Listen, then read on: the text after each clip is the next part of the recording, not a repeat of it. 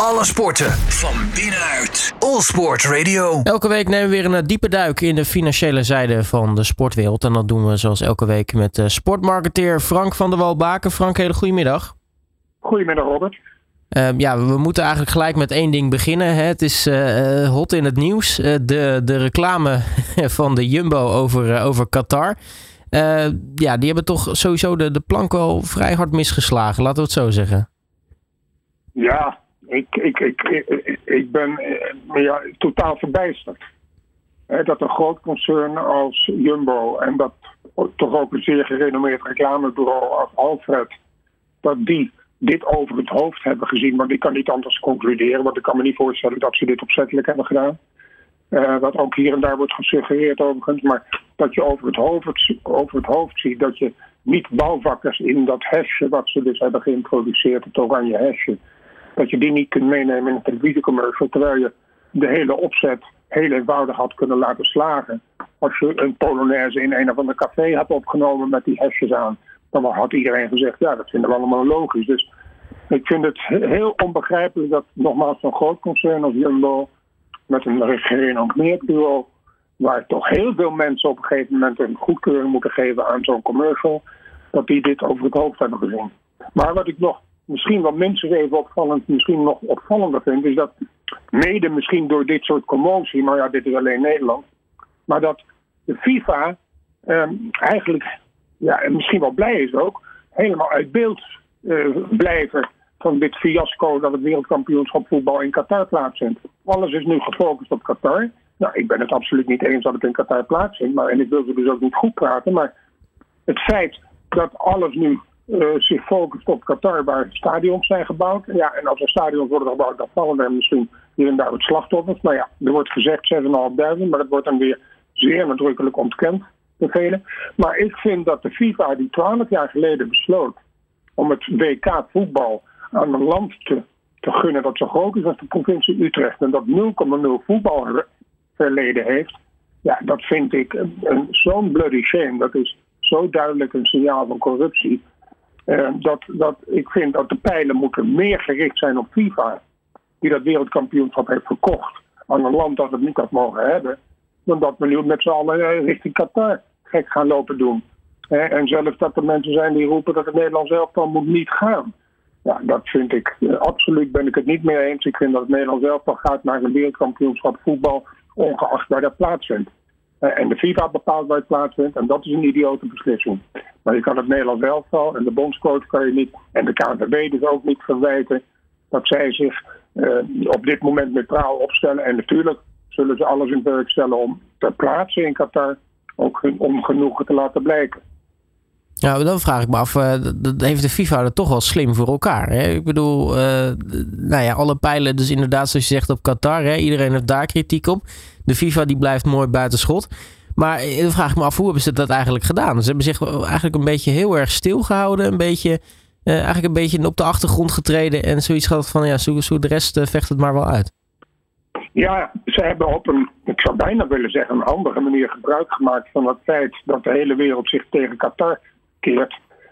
En, en daardoor dat buiten schot bleven. Maar zij hadden eigenlijk ook veel meer het podium moeten grijpen om uit te leggen waarom ze die keuze hebben gemaakt. Maar dat kunnen ze niet, want we weten allemaal intussen dat het alleen maar eigenlijk uh, om de poen is gegaan. En dat corruptie daar in de hoofdrol heeft gespeeld. en dat is weer terug te herleiden naar het idiote systeem dat FIFA nog steeds hanteert van one country, one vote.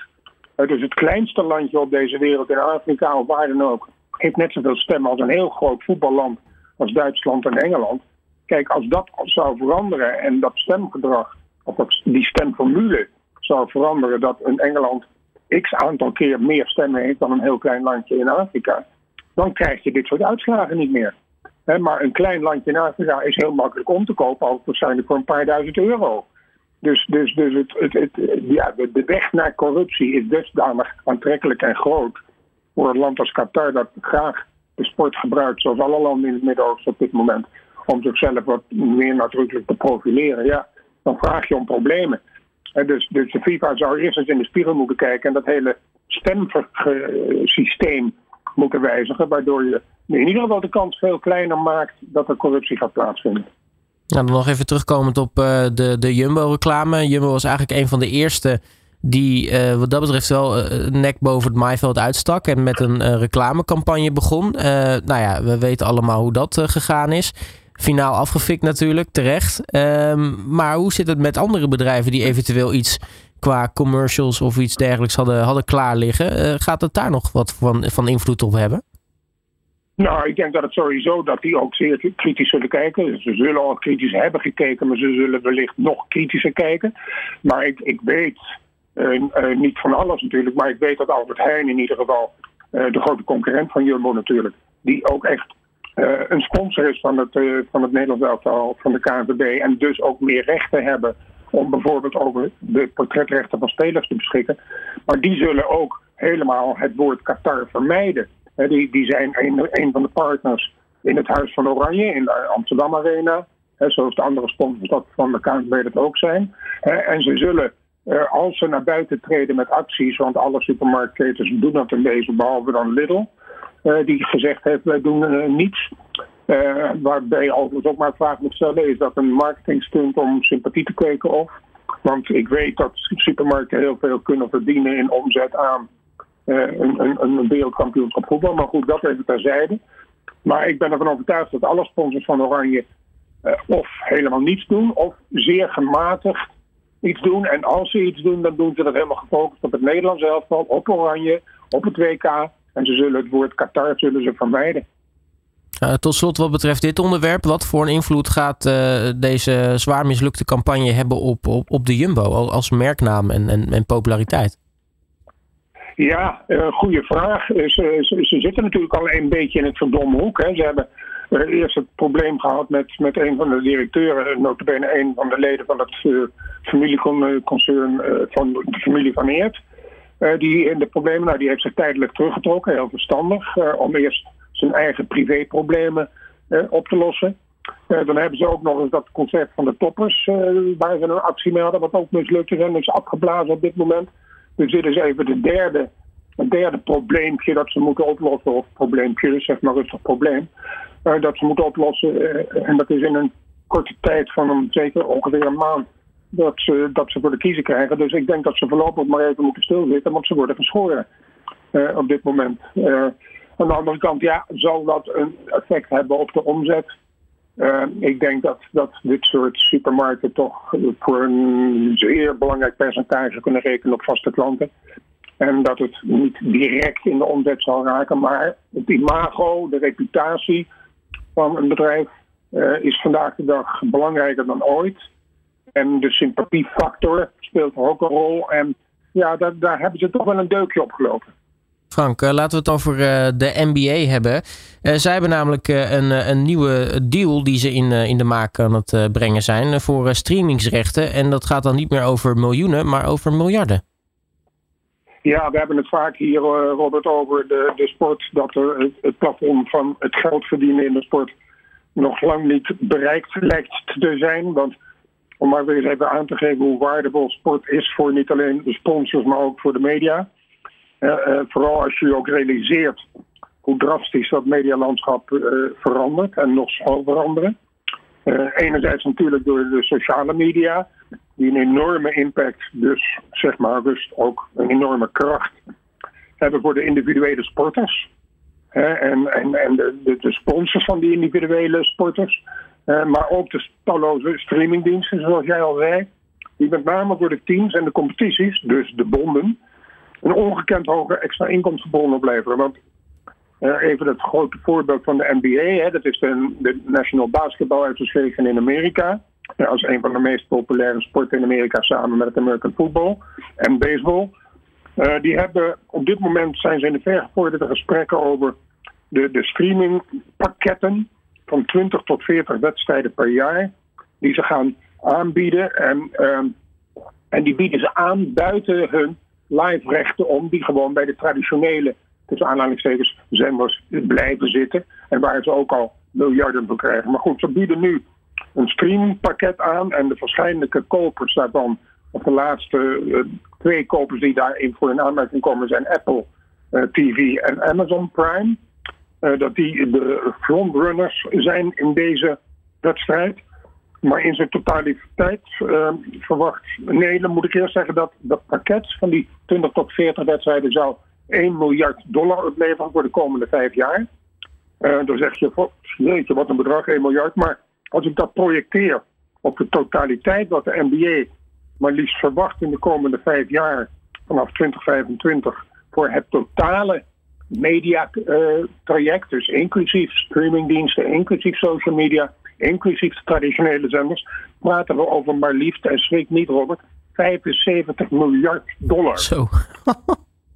en, op, en als je dat projecteert op wat het op dit moment is, voor de huidige vijfjarige cyclus, is dat slechts, tussen aanhalingstekens, 24 miljard. Dus dat is het driedubbele gaan we gaan krijgen de komende vijf jaar. Nou ja, dat is iets waarvan je zegt van mijn god, waar is het plafond?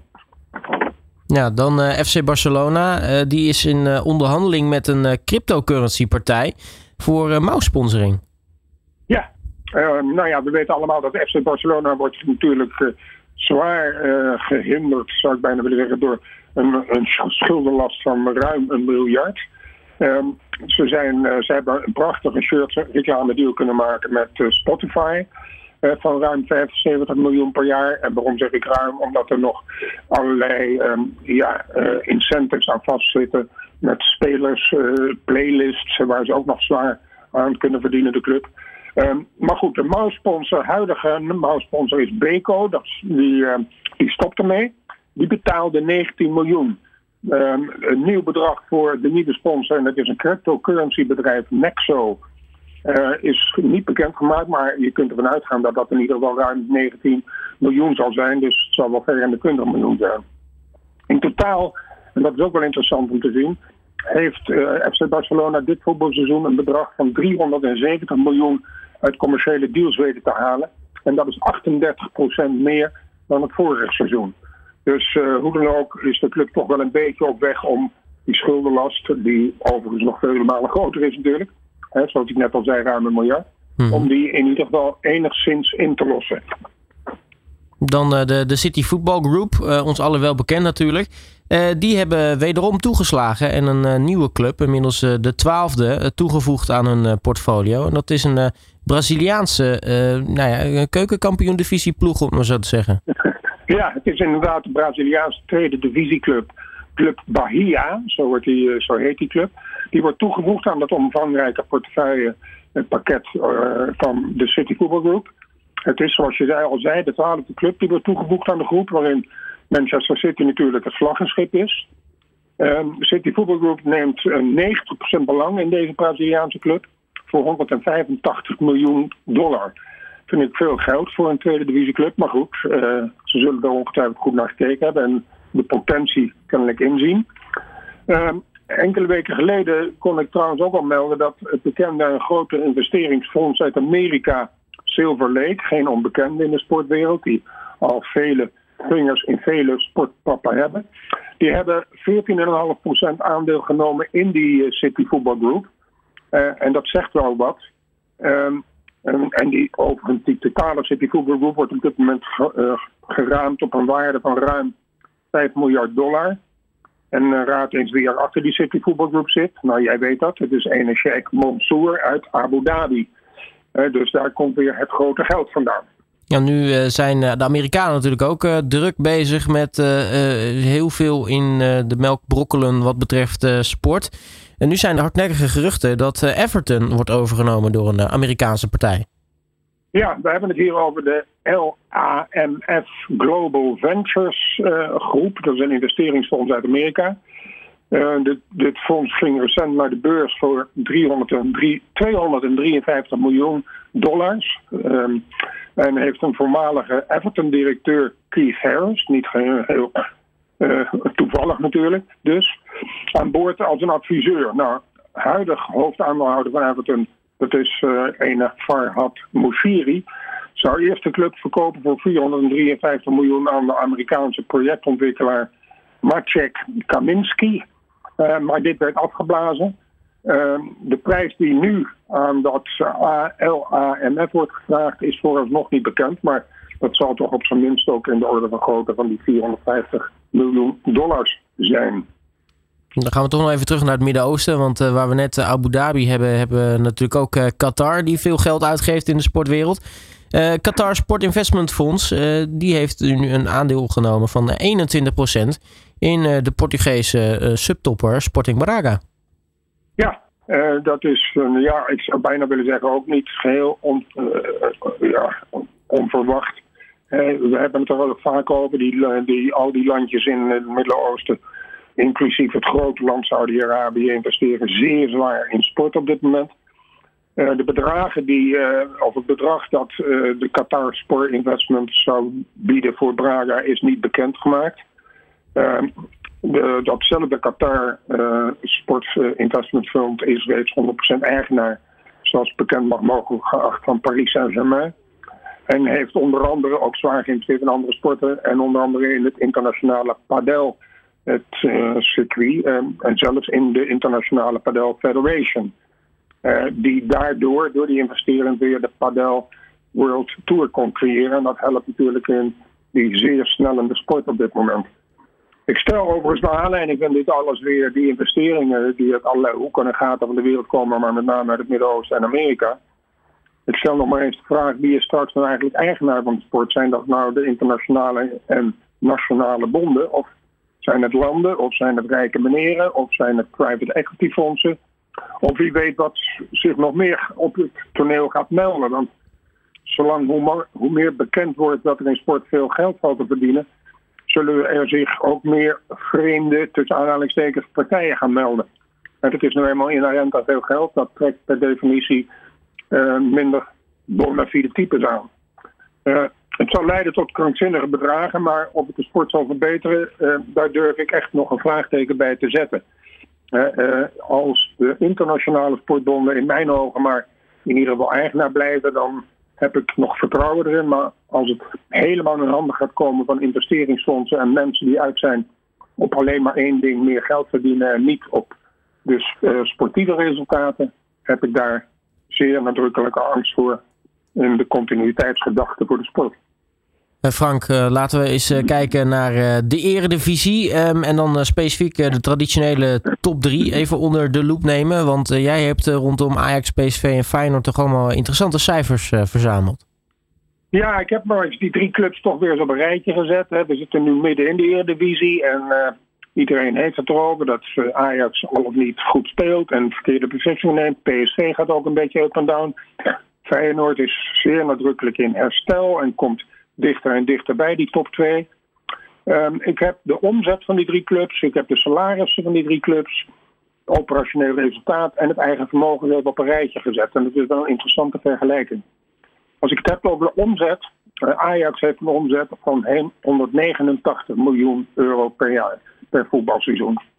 PSV doet dat met 93 miljoen. Dat is dus minder dan de helft. Feyenoord doet het met 87 miljoen omzet.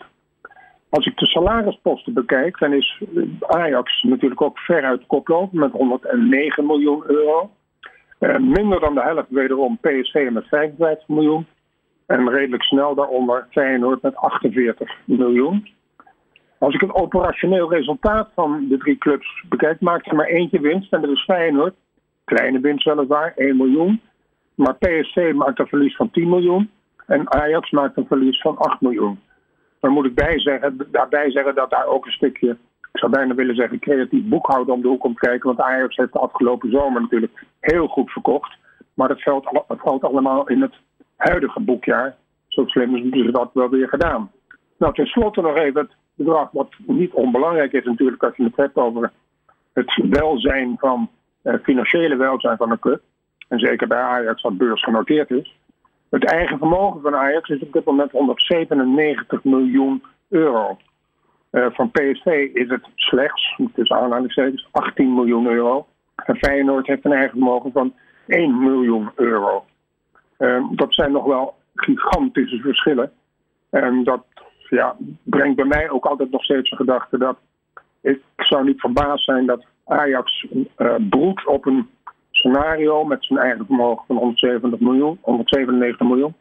Dat ze broeden op of uh, uh, terugtrekken uit de beurs. Want ik vind beursgang of een beursgenoteerd iets niet passen bij een betaald voetbalorganisatie. Of dat Ajax ook zeer nadrukkelijk kijkt naar het kopen van de Johan Cruijff Arena. En dan heb je bakstenen op je balans staan en dat is altijd interessanter voor beleggers en voor de financiële situatie dan dat je daar alleen maar uh, spelers op staan als uh, asset. Terwijl spelers natuurlijk heel kwetsbaar zijn met blessures, et cetera. Maar het zijn indrukwekkende cijfers en het, ja, die cijfers worden dit jaar natuurlijk ook weer anders omdat Ajax natuurlijk de Champions League heeft gespeeld en daar sowieso om en bij de 50 miljoen aan zal overhouden als het niet meer is. Dus dat leidt tot nieuwe jaarcijfers van het huidige seizoen. Waarin Ajax nog verder afstand zal nemen van PSV en van Feyenoord. Ja, het is natuurlijk sowieso al lang knap dat Feyenoord überhaupt een positief eigen vermogen heeft. naar de schulden die de club uh, in de afgelopen jaren heeft moeten wegwerken. Ja, vind ik ook. Uh, uh, niets dan complimenten voor Feyenoord. Hè. Dat hebben ze weten te bewerkstelligen. Dat is dus een financieel rustigere positie. Het is ook knap natuurlijk, en daar gaat het uiteindelijk om, dat ze sportief gezien ook veel dichter bij die top 2 zijn gekomen. Nou, dat heeft alles te maken met poppetjes natuurlijk, met de nieuwe algemeen directeur, met de nieuwe trainer-coach. Dus uh, niets dan inderdaad lof voor de Rotterdamse club. Um, en het maakt het, de Eredivisie alleen maar interessanter als Feyenoord ook echt weer mee kan gaan doen voor het podium. Nou, dan uh, een onderzoek wat in Nederland gehouden is. Wat is nou de populariteit van sport? En dan specifiek werd erin gezoomd op wat is nou eigenlijk het sportiefste, of sportiefste, populairste sportevenement. En wat is nou de populairste sportploeg? En daar zijn interessante resultaten uitgekomen. Ja, ehm, vind ik ook.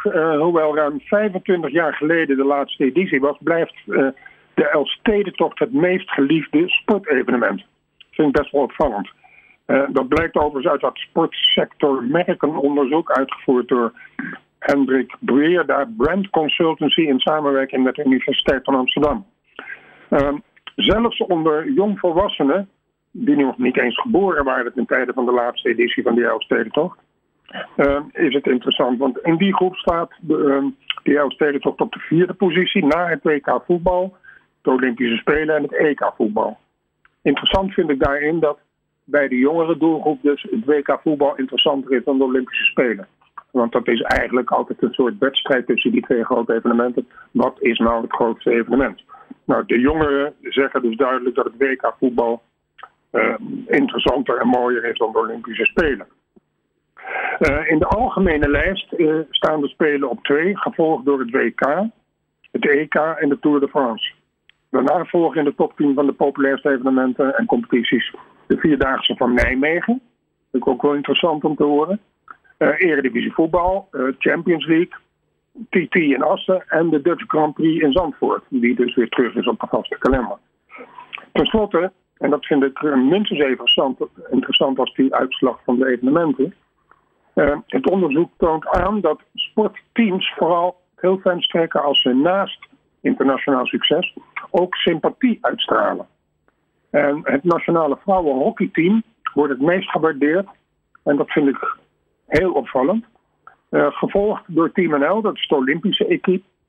En uh, net als bij hockey worden ook de Nederlandse voetbalvrouwen plek 4 hoger ingeschaald dan de mannen. Uh, en dat vind ik ook weer opvallend. je zou toch zeggen, het mannenvoetbal, ja, dat is immens populair. Maar het vrouwenvoetbal heeft een hogere sympathiefactor dan de mannenvoetballers. In de top 10 van alle clubs en teams staan uh, Team Jumbo-Visma op plaats 6 en Ajax op 8 overigens. Dat ten aanzien van dit rapport. Maar het meest opvallende is dus dat inderdaad de Elfstedentocht en de vrouwen nationale hockeyploeg op de nummer 1 posities staan.